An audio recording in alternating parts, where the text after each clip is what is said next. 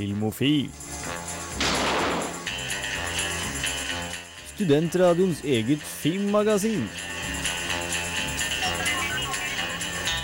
Lights ready, all set. Cameras. Act!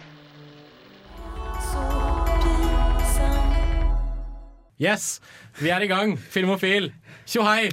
Eh, Beklager tekniske snafuer, eh, kjære lytter. Det skjer noen ganger eh, det også, selv om vi har en Eller når vi har en litt sånn halvfersk eh, fyr bak eh, spakene. Ja, vi er glad i deg også, Jonas. Yes. Men eh, nei, velkommen til Filmofil. Eh, du hørte Det Monte Vær med Pinsam. Eh, vi skal ja. Mitt navn er Jens Erik Våler. Med meg i studio Camilla Klein. Kristine Rokkan Eriksen. Gaute Eliassen. Eh, vi skal jo selvfølgelig snakke om alt som har med film å gjøre. Og eh, siden vi allerede har hoppa over introduksjonen, så tror jeg vi bare kjører på og har litt grann filmnyheter. Filmofil gir deg nyhender fra filmen og fjernsynets i spanende verden. Gaute, du Å, har shit! Å, shit! Å, snap! Du må okay. være på, ikke sant? Ja, men eh, det var så mye i begynnelsen av sendinga. Ja, Nå er alt bare helt Ja. Men jeg tar den, den korte nyheten Du kan ta den korte nyheten. Som jeg på. tenkte mer sånn eh, Fordi at eh, Ja, hva var nå det jeg hadde? Det var at Quentin Tarantino sin nye film Jungle Unchained Han hadde skrevet så bra replikker til denne rolla som heter så mye som uh, Harry Tennessee Harry. At han Mhm. ville spille den sjøl. Selvfølgelig. Ja. Som Det er ikke selvfølgelig, for nå har han ikke Jeg syns det er litt selvfølgelig at Tarantino stapper seg selv inn i ja, sin egen film. det er litt selvfølgelig, men han har ikke gjort det siden Death Proof nå, så du kan Fordi leste jeg da at han ikke hadde tatt så, Men det er jo fortsatt eh, kult å vite, da. At han er så fornøyd med sin egen film at han vil være med den sjøl. Ja. Det må jo være et bra tegn, tenkte nå jeg. Og jeg han bruker jo å lage kule roller sjøl, så Jeg får håpe det. Ja. Han kommer sikkert til å være en fyr som snakker veldig fort, og så har han en eller annen teori Ja, om den moderne no- popkulturen. Ja. Kristine, hva har Ja. du på blokka? Ja, en nyhet som teknisk sett er en, ja, en teknologinyhet, da, men siden det har så mye med film, så må vi nevne, nevne det har med Google å gjøre. Okay. Og at Google har en ny uh, søkefunksjon. Nemlig det at du kan nå søke eh, forskjellige skuespilleres Kevin Bacon number. Okay. Altså Du kan putte inn to navn, og så kan du skrive Bacon number etterpå.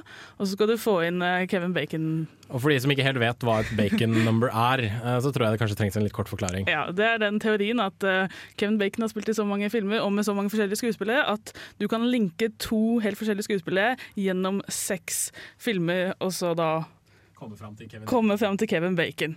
Og eh, ja Det er en ganske morsom sånn ja, en leik, kanskje, en selskapsleik, kanskje det var, begynte som. Mm. Som heter da Six Degrees of Kevin Bacon. Ja.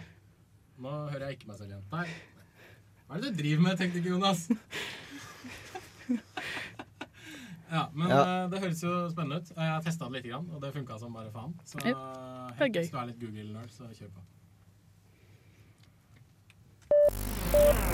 Camilla, hva har du av eh, filmnyheter? Uh, skal vi se her nå, da. Uh, det sies, snakkes om, at Tom Cruise skal dra fra scientologien til Oi. sist. Oi. Ja. Går, går det an?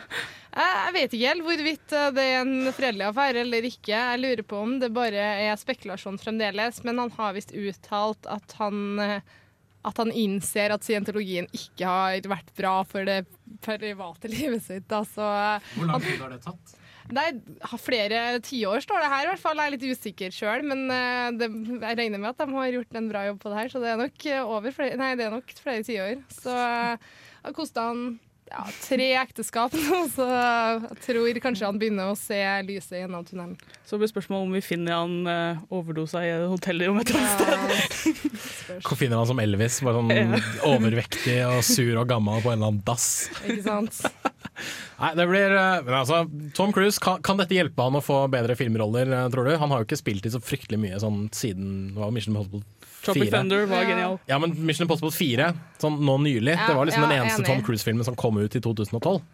Så um, Nei, det har vært lite av den i det siste. Han har jo, altså, vi må jo innrømme at vi er ikke like glad i ham som vi var Nei. back in the 80s, liksom. Nei. Fordi han har, han har liksom ikke den samme sjarmen lenger. Nå er han liksom han derre crazy scientolog-duden. Crazy Cruise, ja. Ja, Crazy Cruise, ja. Så nå, eh, vi forhåpent, forhåpentligvis så tar han og gjennomfører og innser at det er mye mer awesome å være awesome enn å være eh, religiøs. Ikke noe, noe offense, men uh, Ja, vi ønsker lykke til til Tom Cruise. Vi eh, fortsetter med litt grann flere filmnyheter etter at du har fått hørt Hanne Kolstø med 'Elevator'.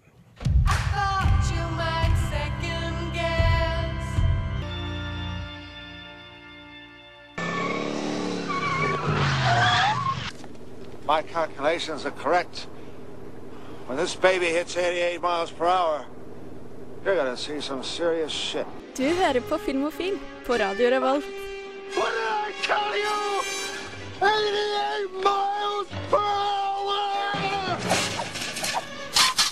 You're gonna see some serious shit, lover uh, Doc Brown i Back to the Future. Og det er ikke så mye seing på radio, da, men you're gonna hear some serious shit, I guess. Vi har mer filmnyheter, vi. Filmofil gir deg nyhender fra filmen og fjernsynets i spanende verden. Gaute, Jeps. vi er over litt i TV-land. Ja, vi er jo fra Er film det? til TV-land, da. Ja. Fordi at eh, Cohen-brødrene ga ut en film som er veldig kjent, som heter Fargo i 1996, som de fleste her jeg håper har skjedd. Ja. Ja, Yeah. Man tenker noe med de guttene at eh, de lager noe så bra filmer at de trengte liksom TV-serieadopsjon. Det, Trengs liksom ikke. det trengs liksom ikke. Men eh, nå har de da sagt ja til at eh, Fargo skal bli en TV-serie. Hmm. Da er de eh, Det blir ikke sånn at de legger filmkarriere på is for en pro, for de skal bare være executive producers. Ja, ja. De skal liksom bare hjelpe litt til. Mens uh, hovedmannen liksom, som skal tilbake, heter eh, Noah Hawley, som blant annet er regissør og, og i den eh, Bones-serien. Jeg dere Jeg har ikke sett den, men i hvert fall det er det som står.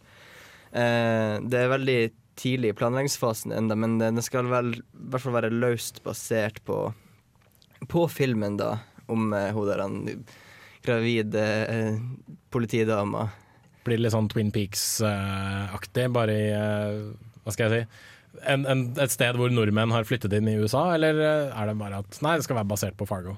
Som sagt så er det veldig, Veldig tidlig. eh, Så de vet ikke om hun, eh, Frances McDonalds sin karakter skal være med engang. Ja. Så det er enda litt sånn Det er bare at det blir, kommer til å bli det, det som er ganske sikkert nå. Og det jo, kan jo bli veldig veldig interessant, syns Mm. i hvert fall jeg, da. Ja, Det høres veldig spennende ut, men spørsmålet er jo om kan en Cohen-ting uten Cohen-gutta fungere? Altså, De er jo sånn Ja. produsenter, men De, hvor de, jeg synes de, ska, de skaper jo på en måte sånne små eh, verdener med filmene sine mange ganger, som liksom så Hvis de liksom klarer å dra den verden til Fargo ut og gjøre det til litt større univers, så tror jeg det kan fungere bra for dem. Det blir kanskje ikke det samme KM-preget over når det blir en TV-serie, det tror jeg nok ikke, men Mm. fortsatt interessant. Vi får håpe, og ønsker lykke til. Kristine, det er mer TV-nytt basert på en film. Yes, det er det. Denne gangen er det A Night's Tale. Heath Ledger, Yes, en som av var død. Ja. Ikke så veldig bra film. Ikke få oss til å gråte nå. Jeg, jeg er veldig glad i A Night's Tale. Jeg har sett den Er, det, utallige er det det at Sin Lizzie er på soundtracket med The Boys Are Back in Town, blant annet? Det er herlig, det øyeblikket i filmen. Og jeg, hvis de fanger den samme stemninga, så tror jeg det kan bli en skikkelig morsom serie. Og det er executive producer fra Bachelor Galactica, Ron Moore, som skal eh, ja, de, de, develope hele greia. Og det er ABC som har kjøpt opp prosjektet, så ja, det kan komme ganske snart. Det høres veldig veldig stilig ut. Ja. Uh, jeg bare håper at noen skal flette inn replikken uh, The Pope may be French, but Jesus is English. Ja, ikke I når noen gjør et veddemål, for det, det var en av de beste replikkene fra A Night's Tale-filmen. Og uh, til slutt, Camilla, så har det jo vært Emmy-prisutdeling. Yes, I helga. Det har det. Og ja, hva vant, hva tapte, holdt jeg på å si? Det blir vel kanskje vinnerne som er uh, best å få med seg. Mm, De er mest interessante, ja. Mm. Uh, I eh, kategorien dramaserier, som er den mest eh, prestisjefulle kategorien, så var det Homeland som vant. Mm. Uh, noen som har noe forhold til Homeland her? Nei. Det er for. Eh, eh, det må vi bare dra hjem og se, da, åpenbart. Det skal jo være en bra serie. Uh, ellers så var det Modern Family i komediekategorien. Mm. Det er jo en veldig morsom serie, absolutt. Uh, så har vi også uh, Claire Danes, som vant for Homeland, uh, lead actress. Meget bra, meget bra. Mm, og også eh, lead actor var fra Homeland, Damien Lewis. Det er han brite-duden fra Han har vært med i Band of Brothers, Ja. tror jeg. Ja. Ja. Han, eh, det har vært ganske mange artige uttalelser, blant annet fra Det var veldig mange briter som var nominert. Ja, det var, Var det det, det, var noen som poengterte og Han hosten, da, Jimmy Kimmel, han tok Mm. og poengterte deg med at det er artig når at uh, TV er en eh, amerikansk uh, oppfinnelse, så er en av fem nominerte i kveld britisk. Mm. Så det er jo litt artig. Så britene har gjort det veldig, veldig bra. De har mye, mye bra serier som har kommet ut i år. Lager mye god TV. Absolutt. Mm. Og vi har jo anbefalt en del britiske Ja, TV-serier her i Filmofil også. Det skal ikke være noe tvil om. Mm. Så nei, det virker som om folk er fornøyd. Det var en bra feiring. Eh, Det var noen som spøka med at Uh, selv om Emmyen er mer prestisjefull enn hva Golden Globe var, så Mm. eh, i hemmelighet så ønska alle sammen egentlig at de var på Golden Globe, for da kunne de drikke seg i hjel. Ja, selvfølgelig. Og, ikke helt og, og le av vitsene til Ricky Gervais. Ja, ikke sant? Som regel. Ja, men Det høres bra ut. Eh, Jeg tror eh, Altså, Emmy- Emmy-prisen er jo som regel spot on på hva som er god og hva som er dårlig TV. Mm. Så dette nå, nå vet jeg litt hva jeg skal se i tida framover. Blant annet Homeland. Homeland er nok en, En sikker vinner. en sikker vinner. Ja. Yes, Det var det vi hadde av filmnyheter for eh, denne gang. Eh, Og når vi fortsetter, så skal du få eh, Så skal vi gå over litt på ukas eh, kinopremierer. Der har vi bl.a. en dokumentarfilm om Liv Ullmann og Ingmar Bergman. Eh, Men eh, aller først så skal du få Nitty Scott MC med 'Flower Child'.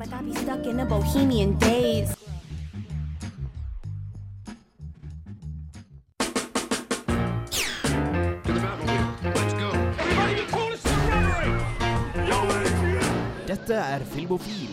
Film, fjernsyn, skuespillere, kamera, action. Ja, rubb og stubb her på Radio Revolt.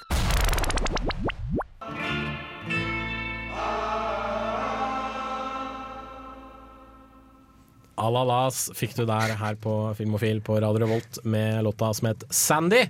Og vi er over på ukas kinopremierer. Aller først ut er Camillas anmeldelse av dokumentarfilmen Liv og Ingmar, som handler om Liv Ullmann og Ingmar Bergman Yes. og deres liv og samarbeid. Har du noe forhold til Liv Ullmann eller Ingmar Bergman? Uh, Ingmar Bergman har jeg sett en del filmer av. Eh, litt fordi jeg følte at jeg måtte se dem. og så eh, så jeg den det sjuende innseilet. Den er jo Veldig- Jeg vil si det er pensum for Ja. de som går filmvitenskap. Absolutt. Mhm. Men den er en veldig veldig god film også. Den er, den er spennende, og den, det er veldig sånn ekte karakterer. Jeg vet ikke hvordan han helt får det til, men han skriver på en veldig bra måte. Og så har han jo herre han har denne samlinga med, med skuespillere. Han har liksom dette laget sitt som han bruker i absolutt alle filmer. Som kjenner hverandre veldig godt og responderer bra til hverandre. Og det er veldig bra dynamikk i forholdet mellom skuespillerne, så det hjelper til å gjøre mer med filmene hans, da, rett og slett. Og da er jo Liv Ullmann en av dem. Litt som en tidlig Kevin Smith. Ja, litt. Kan si. Jeg tror jeg er den første mann som har sammenlignet Ingmar Bergman og Kevin Smith. Men uh, det høres jo veldig spennende ut, så får vi høre da hva Camilla syntes om Liv og Ingmar. I knew that I could never leave him. And in a way, I never have. Liv og Ingmar er historien om to av Skandinavias, om ikke verdens, største filmkunstnere. Ingmar Bergman er en av de mest anerkjente og hylla regissører som er, og hans inspirasjonskilde og leading lady, Liv Ullmann. Historien fortelles fra Livs perspektiv, da hun fremdeles lever i beste velgående, og i noe mindre grad gjennom brev sendt fra Ingmar til Liv. Vi følger dem fra det første møtet under innspillinga av personer, og gjennom 42 år som elskere, ektefeller, foreldre, fiender og venner. I think we did what very few people have the opportunity to do because we created together. We gave birth together. We loved together. And then we had this incredible friendship that never, never said goodbye.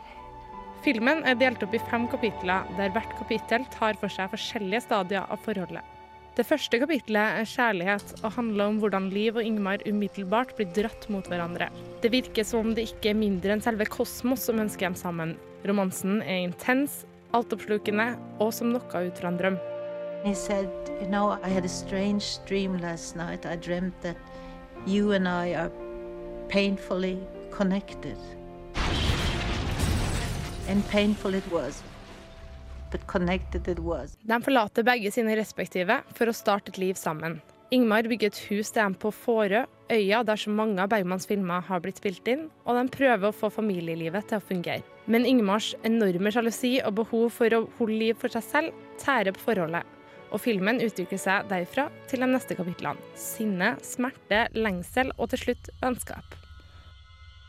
I used to be a happy person, a very happy person, but you know, five years doing his films, I was now also getting a kind of depressed, neurotic person. Liv forteller historien om paret med innlevelse og overbevisning, og på en så ærlig og sårbar måte som bare en skuespiller av hennes klasse kan få til. Man kan ikke unngå å føle smerten og gleden som var å finne i forholdet mellom dem. Og man sympatiserer for Livs isolerte tilværelse og kompliserte forhold med noe pina kunstneren Ingvar. I knew that I could never leave him. And in a way, I never have. Dokumentaren er godt utført og inneholder klipp av Bergmans filmer, filming fra under innspilling og både personlige bilder og hjemmevideoer. Jeg likte spesielt godt hvordan filmen portretterte øya Fårö, hvor mange av Bergmans filmer er spilt inn, hvor Ullmann og Bergman bodde som en familie, og hvor selve narrasjonen foregår. Øya og stemninga på øya blir i stor grad presentert som en karakter i seg selv. Ettersom forholdet mellom Ullmann og Bergman endrer seg, gjør øya av hva den representerer det også, dvs. Si for Liv sin del. Fra et tilfluktssted med barnslig lykke og kunstnerisk frihet til et isolert fengsel. I have so many memories of an island. Almost 50 years of memories.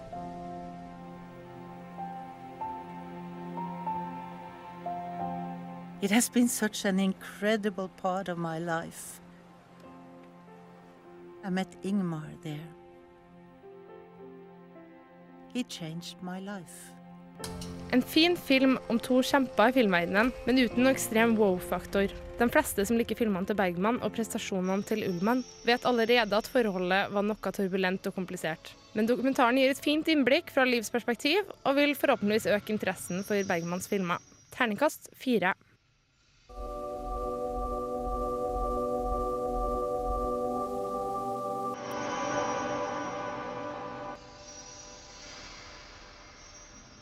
Der fikk du Halls med 'Roses for the Dead', og jeg må lære meg å følge med på tegn fra tekniker. yes, uh, Og så hørte du selvfølgelig Camilla sin anmeldelse av dokumentarfilmen 'Liv og Ingmar', som fikk en uh, terningkast fire. Yes. Yes.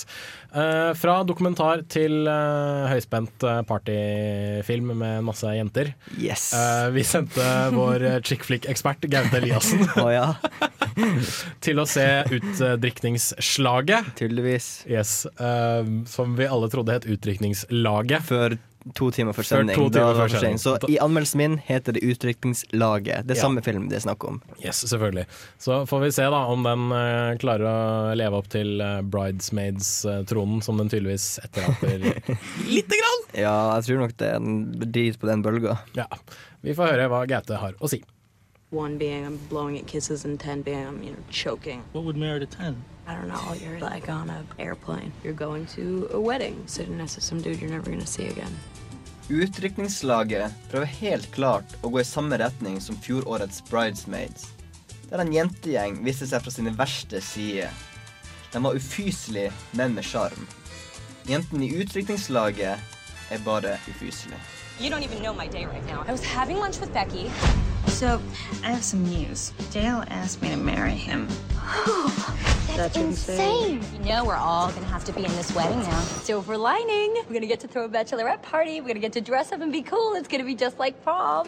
Kirsten Dunst leder showet og er lederen over jentegjengen som på high school kalte seg tøse slash horejentene, eller noe i den duren. Selvfølgelig er det den tjukke gjengen som skal gifte seg, og de andre blir tvunget til å tenke gjennom livssituasjonen sin. Are we to get through the next 12 hours? Jenna brought cocaine! Oh my god. Let's use our indoor voices, though, about it. Hvis jenter som drikker, røyker, snorter kokain og har sex på offentlige toaletter, samtidig som de sliter med bulimi, depresjoner og selvmordstanker, er din greie, kommer du til å ha det kjempegøy. Og du må absolutt ikke gå glipp av utdrikningslaget. Likevel tror jeg at vanlige folk kommer til å føle at de må kaste bort 90 minutter på noe de ikke burde ha sett. What are you doing? I'm matching the thread color to the dress. You know what? Knowing stuff like that does not make you guys cool. It makes you Amazing, gorgeous, incredible. God bless me with perfect tits. It's only right that people should know that. De har helt klart lagt inn dramatiske scener som skal prøve å gi filmen litt dybde. Det er her man liksom skal få sympati for jentene og godta deres oppførsel pga. deres problemer og at de rett og slett ikke vet bedre. Men det fungerer jo overhodet ikke, og det blir egentlig ganske teit. For å si som sant er, følte jeg meg litt skitten når jeg gikk ut av kinosalen. Akkurat som å ha gjort noe jeg ikke burde gjøre. Becky and Dale. Becky and Dale. Look at these people. It's like a Jane Austen novel on crack. Yo, Becky! Say what? You? Med mindre du synes snakker av det her høres fristende ut, burde du holde deg langt unna utskipningslaget. Terningkast to. Shut up! I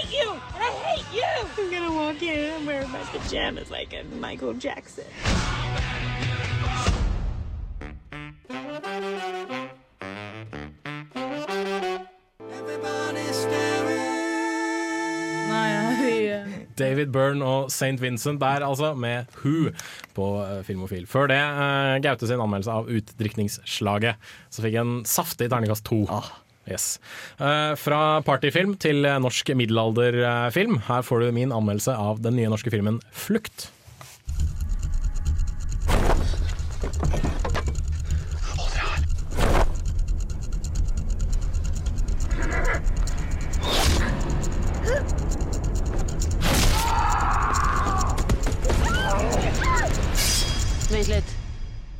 Ti år er gått etter at svartedauden har blitt utryddet fra Norge. Lovløshet hersker, og få tør bevege seg utenfor sine egne hjem. Men én fattig familie er på reise gjennom landet på jakt etter bedre kår. Den glade familieidyllen blir dog ødelagt når en gruppe banditter angriper familien og dreper alle, bortsett fra 19 år gamle Signe. Hun tas med tilbake til bandittenes leir, men finner raskt en måte å stikke av på. Filmen følger hennes fluktforsøk gjennom vakker norsk natur, mens bandittene stadig henger etter med drap og voldtekt i blikket.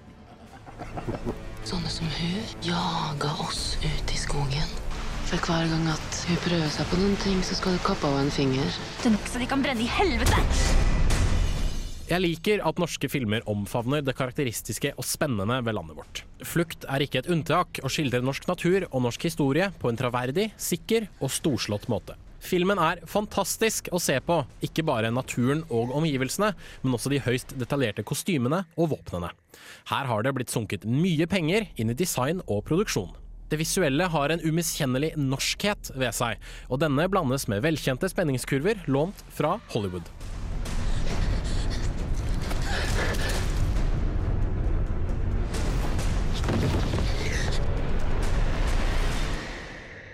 Dessverre holder ikke filmens manus en spesielt høy standard. Grepene lånt fra Hollywood gjør ikke nødvendigvis filmen særlig mer spennende, heller mer forutsigbar. Har du sett et knippe lignende filmer før, vil du enkelt regne deg fram til hva som vil skje, med hvem og hvordan. Filmen tvinger deg også til å svelge en del kameler for å opprettholde det høye tempoet. Figurer flytter seg fra barskog til fjelltopp i løpet av et enkelt sceneskift, jogger flere mil i ulendt terreng på et par timer, og navigerer ukjent landskap som om de hadde kart og kompass i lomma. Jeg fant det også vanskelig å akseptere at filmens hovedperson kunne gå fra å være en hjelpeløs ung kvinne til middelalderversjonen av Rambo på kun få timer.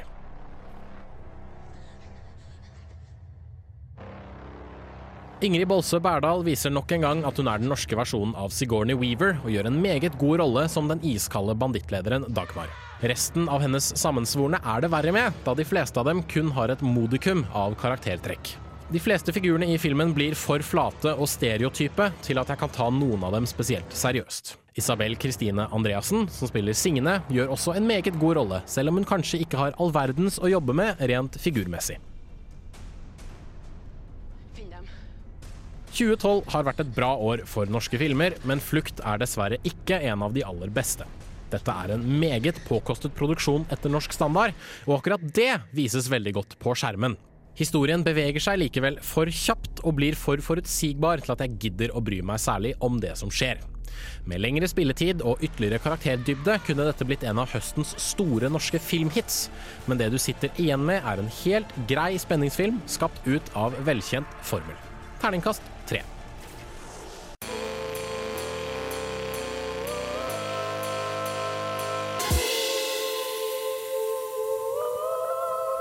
Erlend Elve Sveen der altså, med 'Betal meg i sølv'. Han har slått seg sammen med Anana og laget en ganske så fin og melodiøs og stemningsfull låt, vil jeg si. Eh, Men fra noe stemningsfullt og fint til noe fullt av gørr og vold og blod og skyting. Kristine har vært og sett Dread. Ja, det har jeg. Ja. det skapte blandede følelser, for å si det mildt. Ja, det, er liksom, det har vært litt sånn rar send, eller rar, eh, rart oppsett i dag, for Gaute ble sendt for å se jentefilm, eh, og du ble sendt for å se en skikkelig guttefilm. Ja, men jeg liker guttefilmer, så det, Ja, det hadde jeg ikke noe imot. Men har du noe forhold til, til Judge Dredd, denne Altså, jeg har hørt om karakteren, så jeg kan ikke huske når jeg hørte om den først. Men, mm. Så jeg veit om den, jeg veit hva konseptet gikk ut på, men jeg har ikke sett eller lest eller noen ting. Så dette var nytt. Ja. Men uh, vi får høre da hva Kristine syntes om Dredd.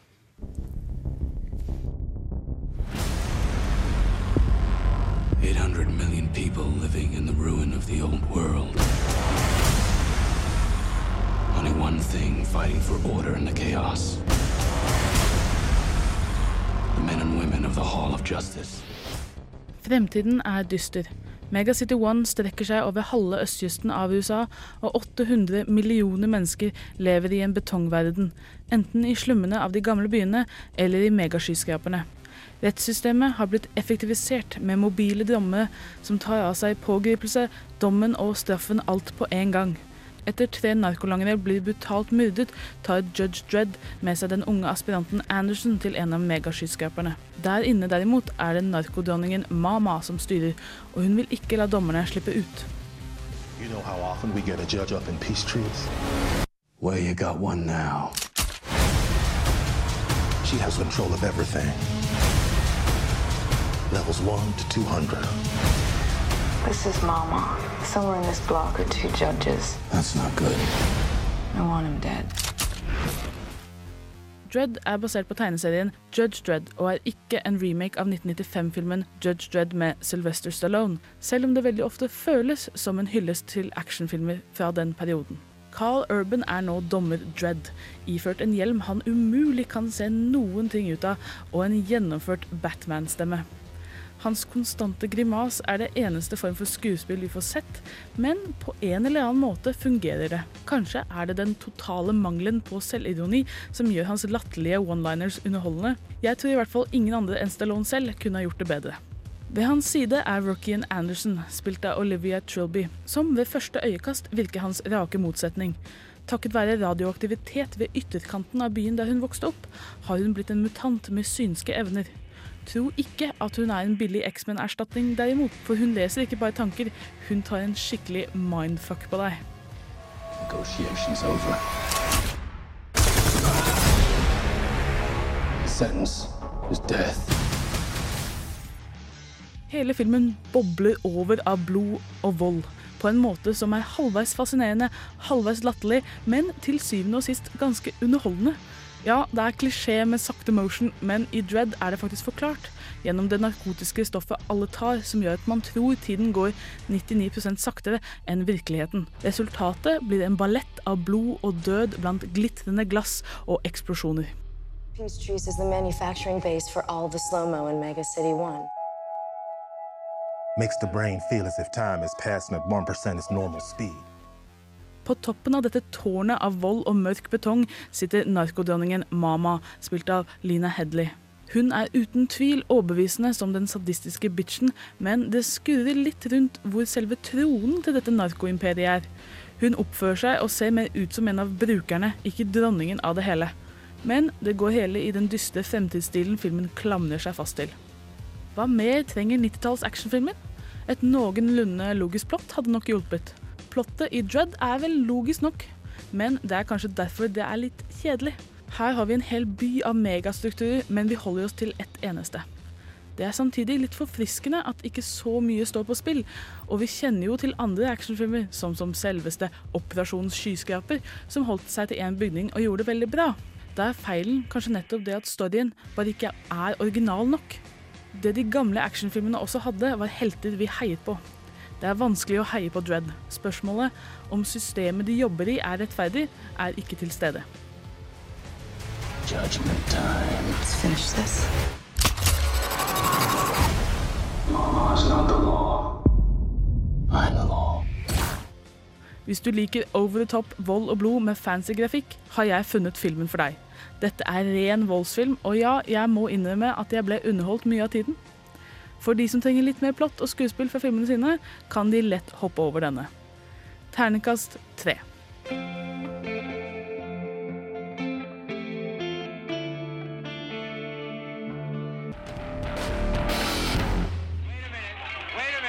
You ain't heard nothing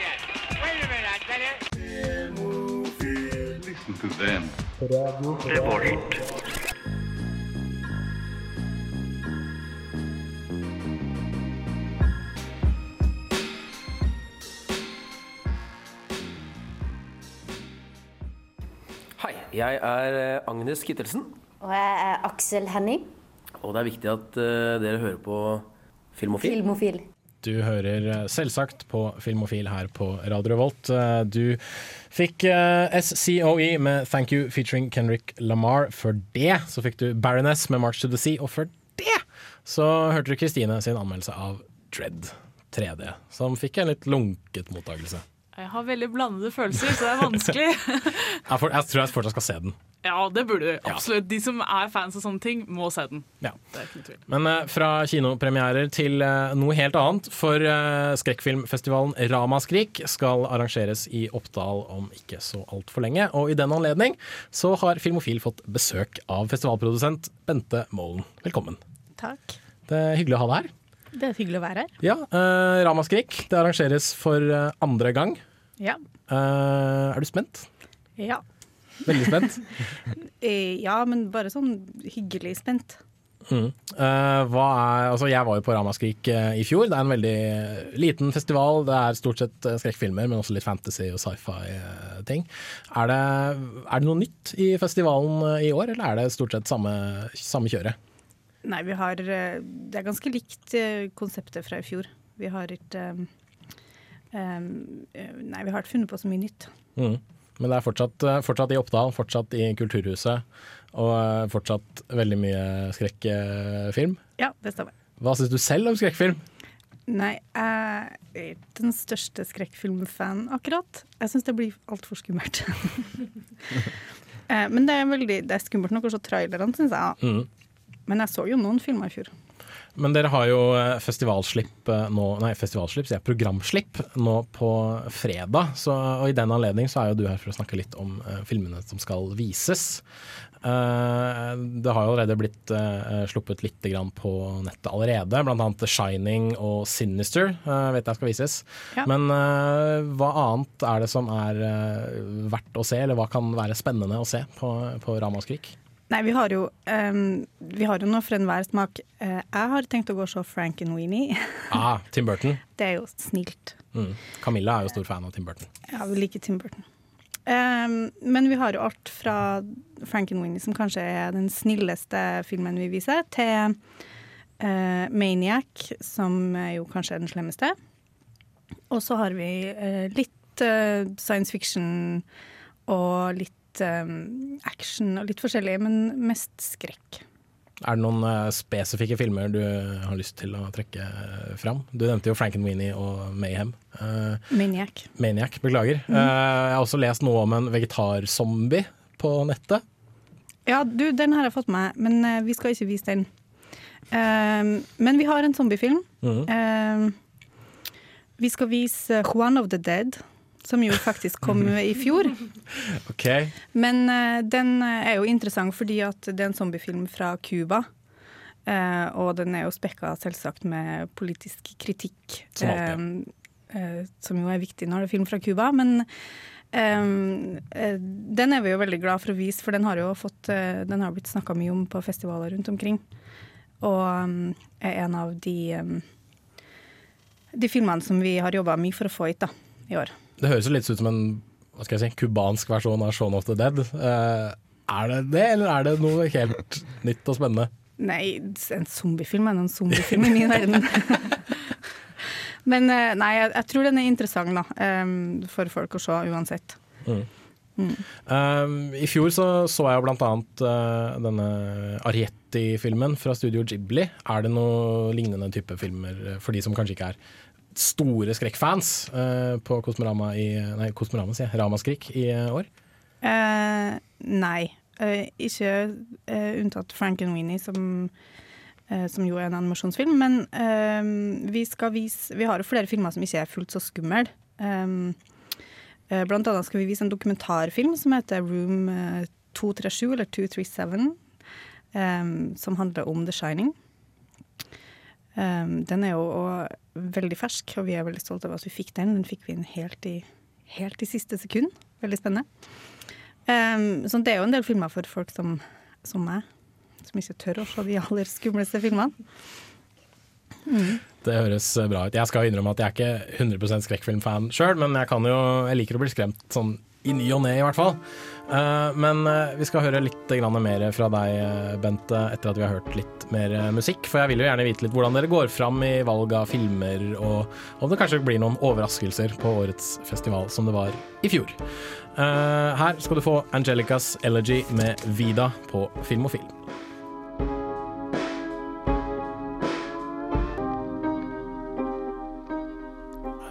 Angelicas Elegy med Vida fikk du her på Filmofil på Radio Revolt, FM 100 og 106,2.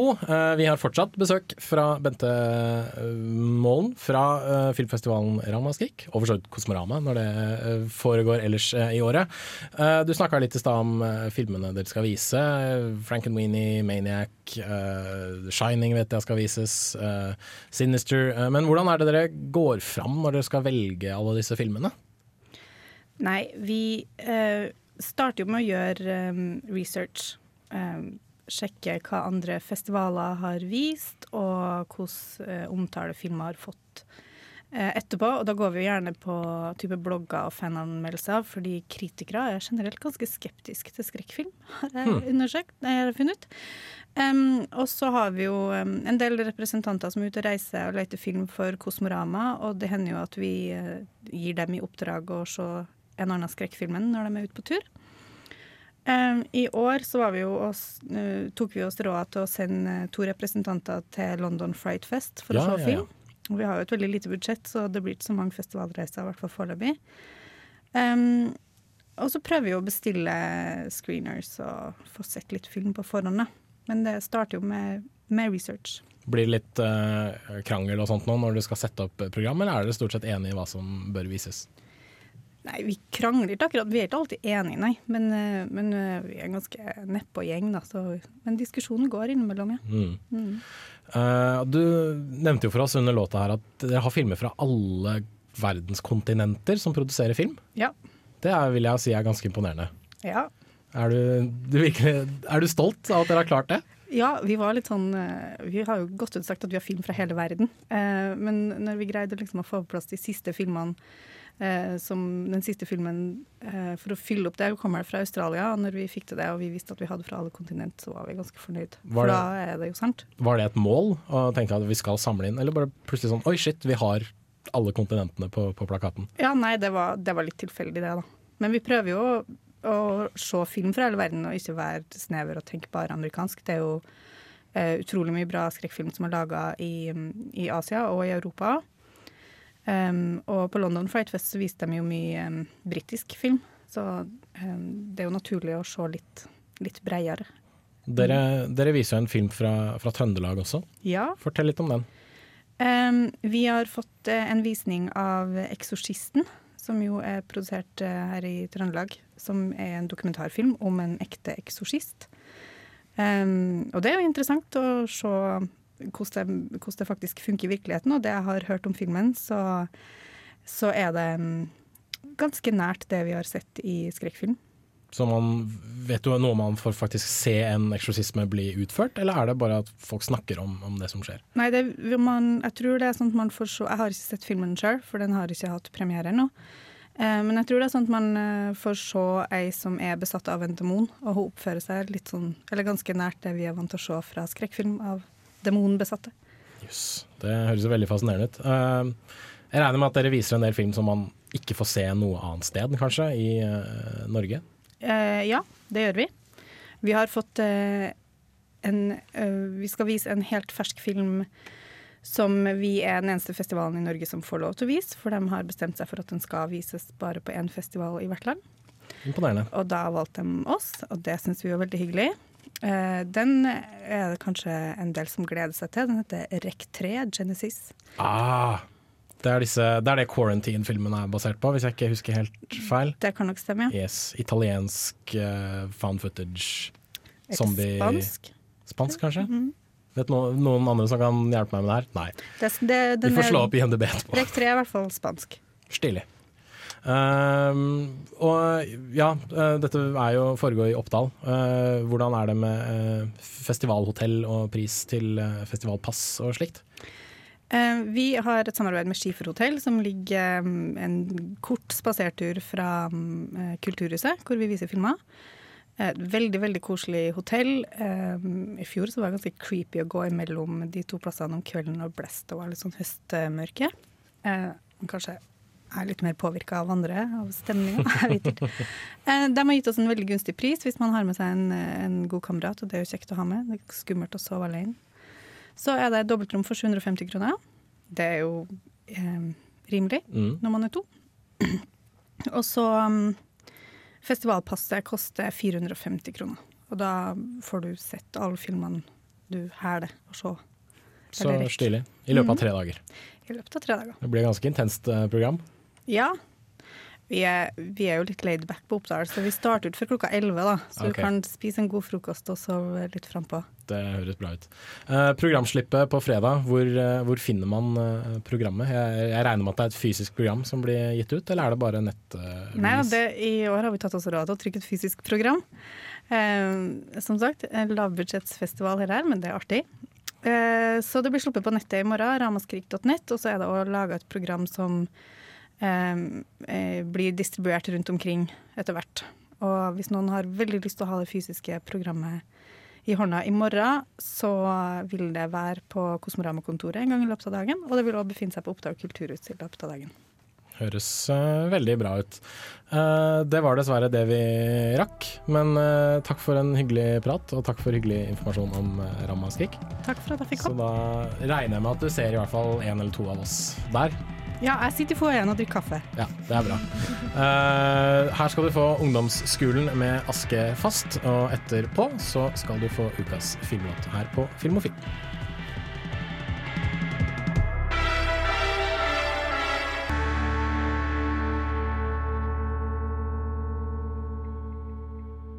Play it Sam. Det er jo alltid å ha musikk når den er påtent. Helst noe indisk eller pakistansk. Ukas filmlåt. Det stemmer, du skal få ukas eh, filmlåt her på Filmofil. Du hørte selvfølgelig Ungdomsskolen med Aske fast eh, i stad. Eh, Kristine, det er du som har tatt med deg ukas eh, filmlåt. Yes, det er det. Og hva, altså jeg, jeg vet jo hva vi skal gjøre, da, men Ja. for, for lytterens del, hva er det vi skal få høre, og fra hvor? Ja, vi skal høre en, en veldig kjent sang. Låt. Ja, unnskyld. Låt Det er på første radio- jeg har låt på radiofaget. Første gang jeg har sagt feil. Mm. Eh, en veldig kjent låt eh, som har vært med i mange filmer, men den som jeg forbinder den med, er eh, filmen Con Air, starring Nicholas Cage. Ah, en av de veldig gode Nicolas Cage-filmene, vil jeg tørre å påstå. Og en av de bedre actionfilmene fra 90-tallet, vil jeg påstå. Nicolas Cage, John Malkovich, John Cusack, Steve Belushi. St Steve Buscemi. Buscemi. Belushi. Eh, og han derre han, han Og han derre digre meksikaneren som spiller machete, som jeg ikke husker hva heter. Jeg hva han heter. Han heter Machete. Ja. Uansett. Han fyren. Han, alle veldig bra og gjennomført creepy, mange av dem, Mhm. i filmen. Jævlig kul film. Mm -hmm. Jeg vil bare nevne at min favorittversjon der den låta er, er Eight Mile, filmen med Eminem, der han rapper over denne låta. Han, han freestyler over mens han går på bilradioen. Selvfølgelig. selvfølgelig Men uh, du skal få lov til å avsløre hva det er. Ja, mange har kanskje gjettet at det er eh, Sweet Home Alabama av uh, Lynyrd Yes. Med bandet som døde i et flykrasj, Ja. tror jeg. Ja, det er noe sånt noe. Ja, det er det de hører på i, i Ja, Con Air. for de nevner det i Con Air at er det ingen som har innsett ironien av å høre på et band som styrta i et flykrasj på et fly full av kriminelle. Men det er jo en jævlig kul låt, Det er det. syns jeg. Så jeg syns vi bare skal kjøre i gang jeg, med Lynyrd Skynyrd. Her får du Sweet Home Alabama, ukas filmlåt, her på Filmofil.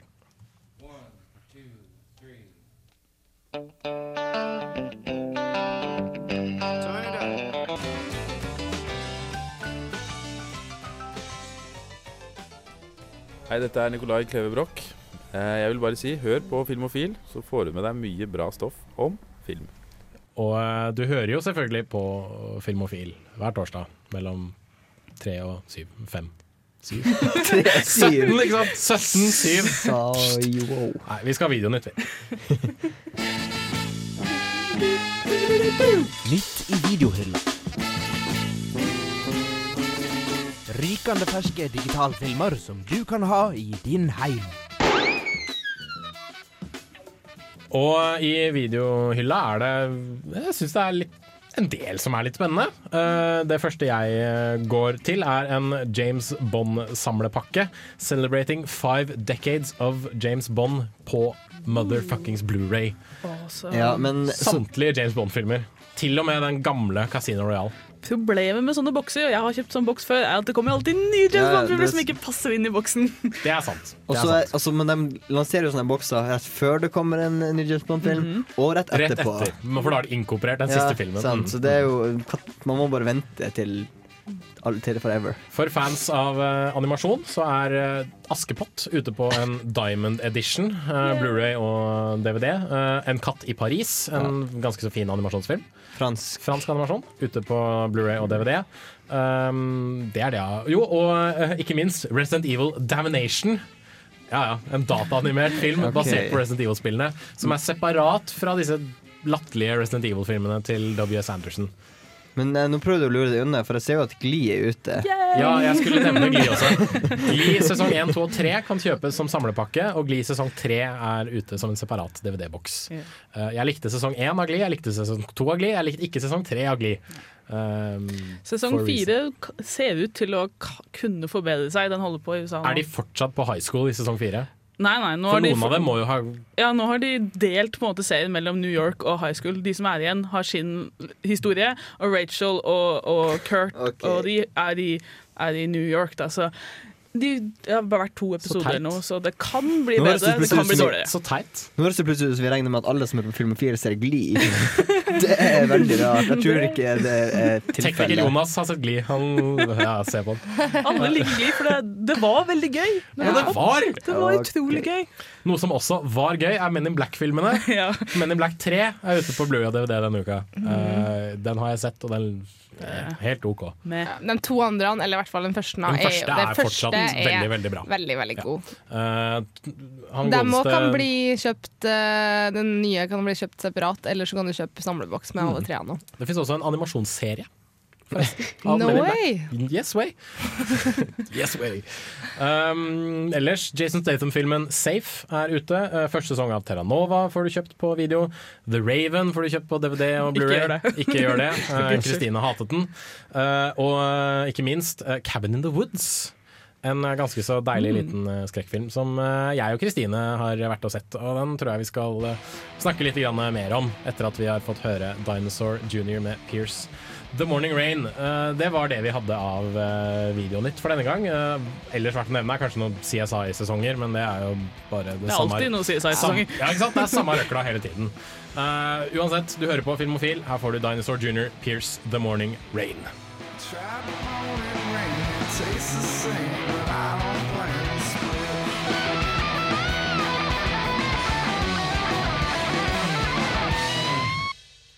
Dinosaur Junior der altså, med Pierce The Morning Rain her på Filmofil. Kristine, uh, Ja. Cabin in the Woods. Yes. Joss Whedon har skrevet. Han er vi glad i. Han er vi veldig glad Eh, Drew Goddard har hatt regi. Han husker jeg ikke helt hvem er. Sånn, jeg vet ikke hva annet han har gjort. Men uh, han, i denne filmen så er vi glad i han også, Ja. sier vi. Eh, du likte den Ja, eh, da den hadde kinopremiere. ja, det gjør Ja, jeg. det gjorde jeg også. Og så er spørsmålet da, Hvor mye skal vi avsløre av filmens handling? For det er en sånn film du bør gå inn litt sånn blank. da Men det er jo en skrekkfilm, kan vi si. Det handler om ungdommer som skal på en hyttetur, Ja, som veldig. mange skrekkfilmer gjør. Standard. Ja, Uten mobildekning. Og så begynner de å dø. Ja. På diverse måter. Ja. Um, noe mer enn det trenger vi kanskje ikke å si. Nei, jeg, tror det Men vi kan jo si at det er, det er noe mye mer, da. Ja, det er, det si. det er, er, Handlingen virker enkel sånn på overflaten, og så plutselig så blir ting snudd på hodet, da. Og så er det egentlig en ny sjanger når den bytter scene, og så er det kanskje en annen sjanger igjen. Og så. Ja. Mm. Um, herregud, da. Nå mista jeg helt Man kan vel kanskje si at den snur hele skrekkfilmsjangeren litt på hodet? Og, og frisker den opp? Ja, jo På en måte så gjør han det, men samtidig så syns jeg han Den manglet litt øh, driv, altså. Fordi du veit altså du, Selv om du burde ikke, du burde ikke spoile deg selv før du går inn i kinosalen, men det er ganske fra starten av så ser du på en måte hva greia er. Mm. Eh, så som jeg Du følte syns kanskje liksom- det var litt forutsigbart? Ja, altså Når du på en måte har skjønt systemet som denne filmen opererer i, så manglet den et ordentlig høydepunkt. da. Jeg følte at den gikk aldri Jeg syns den til siste det. scenen var et ganske Jo, massivt høydepunkt. Det var men et stort høydepunkt, men ikke noe veldig sånn oh my god. Det var liksom Det var ikke noe sånn stor det var ikke en sjokk. Nei, for Nei. meg så var det veldig sånn Å ja, OK. Jo, jo, det, jeg skjønner det. Altså, men det var veldig gøy, da, selvfølgelig. Men det var ikke sånn at jeg satt sånn og ble mind liksom, blown av noe store greier. Nei, det kan jeg skjønne. Eh, men uh, det er jo kult å se hvordan en skrekkfilm kan gjennomføres. Ja. Både i forhold til de gamle klisjeene og i forhold til at den skaper sine nye egne Ikke klisjeer, men Nei. i- egne troper, kanskje. Ja, og hvordan den oppfyller de gamle klisjeene. Ja, Det var veldig gøy å se. Jeg tror Du må være veldig fan av sånne type skrekkfilmer for å virkelig ha, liksom, ha alle vitsene inne. Kjenne igjen referansene og Ja, så Mm. det var veldig gøy å hele tida si Å, nå kommer det, og så veit du på en måte Oi, ja. han ligner på han fra Helden? Hellraiser eller et eller annet sånt. noe. Ja, det var Mm. veldig gøy. Uh, du ga den en terningkast fire da du først så den på kino. Ja, det gjorde jeg. Det Mm. var rett og slett fordi den, jeg, jeg følte at det manglet litt driv, da, på en måte. Det var ikke Det var ikke mangel på blod, akkurat. Nei, det var det ikke. Men eh, ja, det er jo det fordi jeg har sett så veldig veldig mange skrekkfilmer at eh, jeg forventet kanskje litt for mye originalitet enn det det egentlig teknisk sett er. Det er visstnok en uh, japansk film som handler om det samme, som Mm. visstnok fungerer enda bedre. Den har jeg ikke sett, så da vet jeg ikke. Men eh, jeg skal i hvert fall kjøpe den på Blu-ray, for jeg tror det er en film som er verdt å se flere ganger. Absolutt. Det Og eh, det er visstnok veldig mye bra ekstramateriale på denne Blu-rayen, hvor de snakker om eh, skriveprosessen, regiprosessen og hvordan liksom, film, filmskapningen foregikk. Da. Jeg tror der er det mye interessant. Det, det vil jeg gjerne se. Mm. Jeg tror spesielt Joss Whedon, som skrev filmen, har et ganske bra kommentatorspor. Ja, det tror jeg. Han er god til sånt. Eh, men eh, ja, en solid firer fra oss begge to. I hvert fall på kinopremieren. Så får vi håpe at uh, selve Blu-ray-DVD-pakka klarer seg litt eh, bedre. Hadde du noe å si, Gaute? Du så så rart på meg.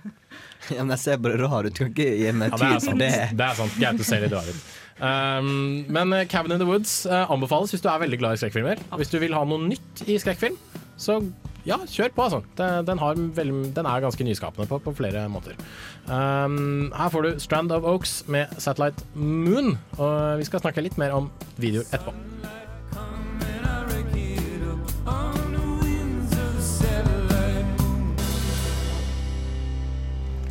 Strand of Oaks fikk du der med Satellite eh, Moon, og mens resten av studio får på seg headset og kommer i gang foran mikrofonene, så kan jeg nevne at noe vi ikke fikk sagt i stad, var jo at eh, Indiana Jones Blu-ray Collection, eh, eller The Complete Collection på Blu-ray, har kommet ut.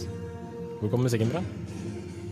Å ja, den kom fra den der, ja. Anyway, PC-rot. Anyway, Indiana Jones på Blu-ray. Jeg vil ha. Kristine vil ha. Veldig. Uh, Jeg er vil ha. du, Camilla, vil ha? Eh, Jeg vil få gratis. Du vil få gratis. Jeg, da vet jeg om jeg vil ha det. Ga- Gaute har ikke så veldig forhold til Indiana Jones, kanskje? Nei, det er ikke uh, frivillig, og det er ikke ufrivillig heller. Det bare har ikke skjedd? Det har bare har ikke skjedd. Nei, da har du virkelig gjort glipp av noe, altså. Nei, har jeg det? Det er på en måte spenningsfilmene okay. som alle spenningsfilmer er bygd Jeg har sett Kors... The Last Crusade? På barneskolen. Ah. I en sånn filmtime. Ok. Hadde dere filmtime på barneskolen? ja, tydeligvis. For det er der jeg husker å ha sett den. Så da har jeg sett eh, Vi hadde sånn at eh, en gang i uka så fikk en elev i klassen velge en film som fikk det med, så vi skulle se den. Stille. Så da valgte han den, da. Så derfor har jeg sett den. Men Mm. jeg husker jo ingenting, nesten. Hva med deg, Camilla? Takk. Uh... Takk, The Angry Mob. Hva med deg, Camilla? Hva er ditt forhold til Indiana Jones? Uh, det er gammelt. Uh, det er lenge siden jeg har sett noe. Jeg er veldig veldig glad i dem. Jeg synes, som sagt, Det er liksom Det er spenningsfilmene. Det, det er adventure-filmene og helt klart oppskriften på dem. Og liksom det og Han Solo er på en måte rollene som, Yes. som Harrison Ford er skapt Ja, for å spille. Ja, helt klart. Ja. Jeg, jeg er veldig ofte eh, sånn, det jeg kaller Indiana Jones-drømmer. Det er liksom hvis jeg hopper det, De, de eh, drømmene når jeg liksom gjør veldig mye spennende, de kaller jeg Indiana Jones-drømmer. Da hopper jeg fra et togtak til et annet togtak og uh, ja, ikke måtte bare springe fra steiner. Og ikke måtte Stilig. Og Kanskje gjør litt arkeologi i tillegg? ja, eller? veldig lite av det, egentlig, men er veldig mye av action-biten. Det, det er rart, det. Indiana Jones han er egentlig arkeolog. Arkeologiprofessor. Men han gjør veldig lite av akkurat det. Du har ikke, hva med deg, Kristine?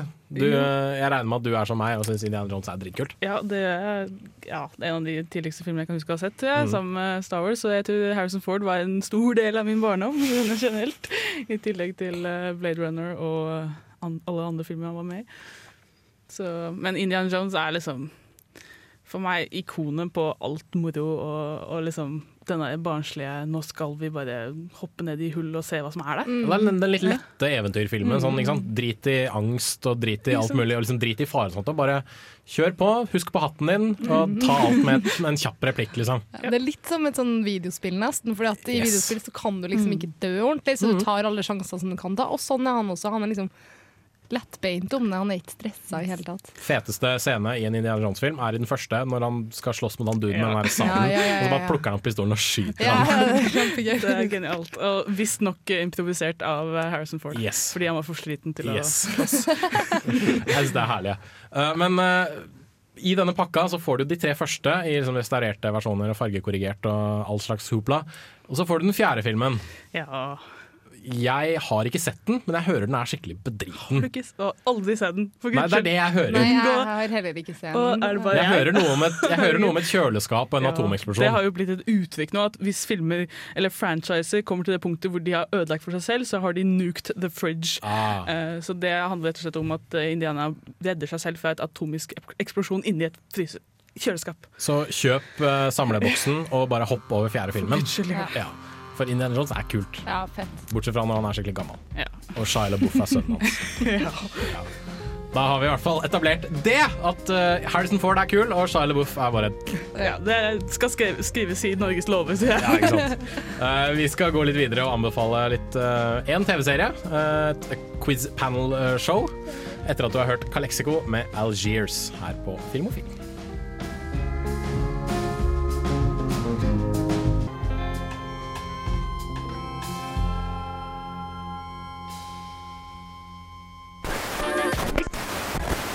Du kjenner det på kroppen, som så mange ganger før, etter den tredje kaffekoppen en søndags ettermiddag.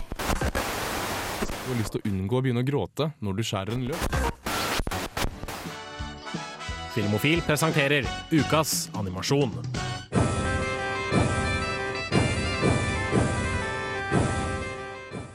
Ukas animasjonsfilm kommer fra Japan og er en film proppfull med så mye nostalgi og sjarme at det praktisk talt tyter ut av alle sprekker. Tonari no Totoro, eller Min nabo Totoro på norsk, er et vidunderlig stykke animasjonkunst som passer ypperlig både for voksne og barn.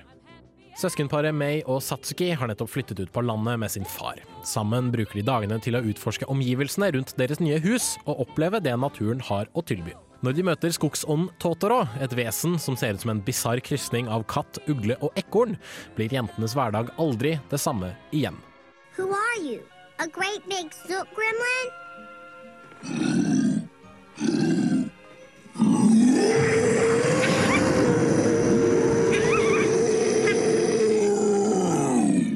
Japanske studio Ghibli, med Hayao Miyazaki i spissen, har skapt en varm og underholdende familiefilm som tar barn på alvor og viser deres oppvekst gjennom nostalgiske øyne. Filmens historie og figurer er så uskyldige og sjarmerende at det er umulig å ikke falle pladask for det som skjer foran deg på skjermen. Til tross for at filmen er 24 år gammel, treffer den like godt nå som den gjorde da jeg så den for første gang for flere år siden. Bildene er en fryd å se på, og animasjonen stilren og naturalistisk. Humoren er spot on til alle tider, men filmen tillater seg også å være litt skummel, og kanskje litt melankolsk også. Likevel er min nabo Totoro såpass ukomplisert og rett og slett hyggelig at den passer for absolutt alle. I tillegg så dukker det opp en katt som også er en buss. Det er jo dritkult.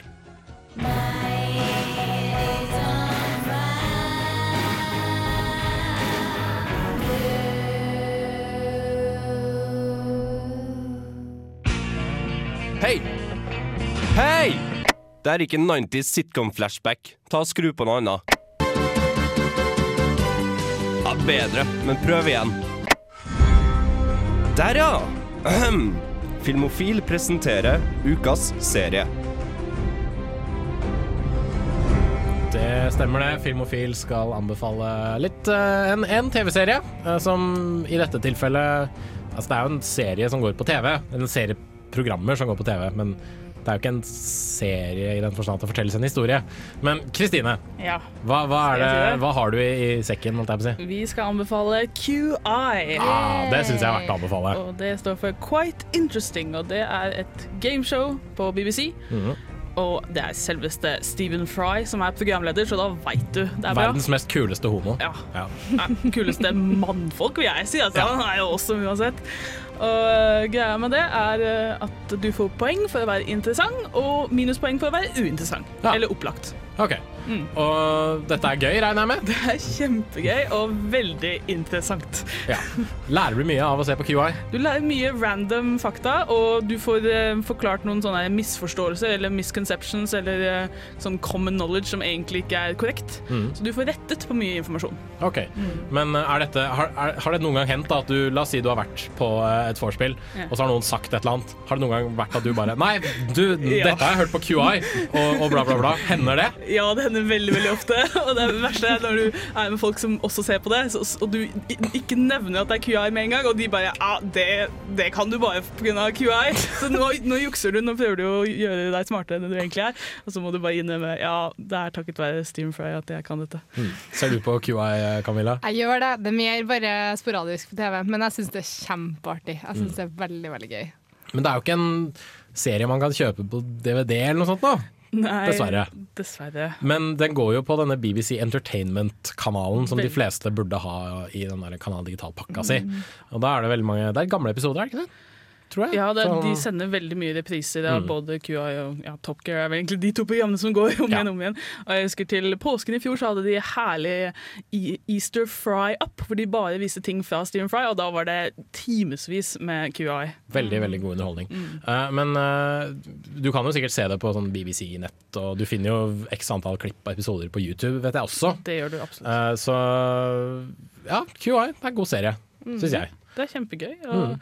alle er, det er jo altså, for det meste profesjonelle komikere og andre kjente folk, så det er liksom ikke bare sånn at det er random folk som prøver å være interessante. Det er, det er litt sånn som Nytt på nytt, at det er en grunn til at Det er folk som er flinke til å være morsomme og Ja. kanskje gi, gi ting på en interessant måte. Vittig og kjapp i kommentaren. ja, Og så er det forholdet mellom Stephen Fry og Alan Davis som er den faste, faste Ja, du har han smarte mot han dumme, Ikke sant? stort Det er veldig gøy, fordi Alan Davis prøver så hardt han kan, og, men han kommer som oftest på sisteplass. Ja, han vinner innimellom, jeg har sett et par episoder. Så det er veldig gøy hvis han får det til. Men eh, QI også. Eh, se det på TV, se det på YouTube, se det på BBC hvis du klarer å fikle med IP-adressen din, eller hva søren man uh, gjør. Det er veldig lett. Ja, det er det får folk til. Send en mail til uh, denne, så kan vi hjelpe deg med, med alt det der. der.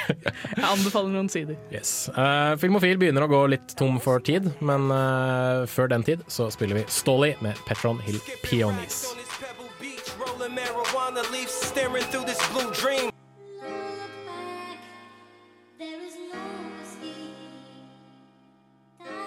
Yippee-ki-yay, motherfucker. Du lytter til Filmofil på Radio Revolt.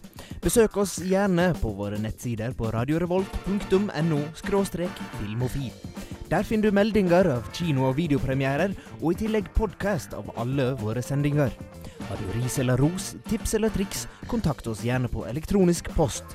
Filmofil, krusedullalfa, radiorevolt.no. Yes, du hører på Filmofil som dessverre går mot eh, slutten. Derfor tar vi en kjapp oppsummering. Dread 3D fikk en terningkast. Tre, dessverre. Utdrikningsslaget fikk en terningkast. To! Liv og Ingmar, dokumentarfilmen om Liv Ullmann og Ingmar Bergman, fikk en terningkast. Fire! Og den norske filmen Flukt, satt i middelalderen, fikk en terningkast tre. Uh, yes. Takk til Bente Malen, Målen fra Ramaskrik, som gjestet programmet vårt. Uh, hvis du ikke fikk det med deg da vi snakket med henne, så legger vi det ut på våre nettsider. radiorevolt.no filmofil. Der legger vi også ut uh, alle anmeldelsene våre, selvfølgelig. Du kan laste ned podkasten vår på radiorevolt.no skråstrek podkast. Uh, og du kan like oss på Facebook, facebook.com slash filmofil, hvor vi også legger ut linker til programmene våre og andre ting vi syns er interessant. Vi burde egentlig bli flinke til å bruke Facebooken vår, tror jeg. Mm, Ja. Um, tekniker i dag har vært Jonas Strømsodd. Yes, Han gir oss tommel opp fra teknikerrommet. Han har vært uh, veldig flink. Takk til deg, Jonas. Yes. Um, det var vel egentlig alt vi trengte å nevne denne gang. Uh, jeg er, og vil alltid være, Jens Erik Våler. Det veit du ikke. Jeg kan forandre meg. Kanskje jeg plutselig skifter kjønn. Jeg vet da faen jeg. Spiller Munchkin, skifter kjønn hele tiden. Anyway, uh, jeg har hatt med meg Camilla Klein, Ha det bra! Kristine Rokkan Eriksen Ha det bra. og Gaute Eliassen. Uh, vi avslutter med High As A Kite med I Roll My Eyes. Og husk på, til neste gang, aim for the head or the heart. Anything else is your ass. Vi hørs. Jips.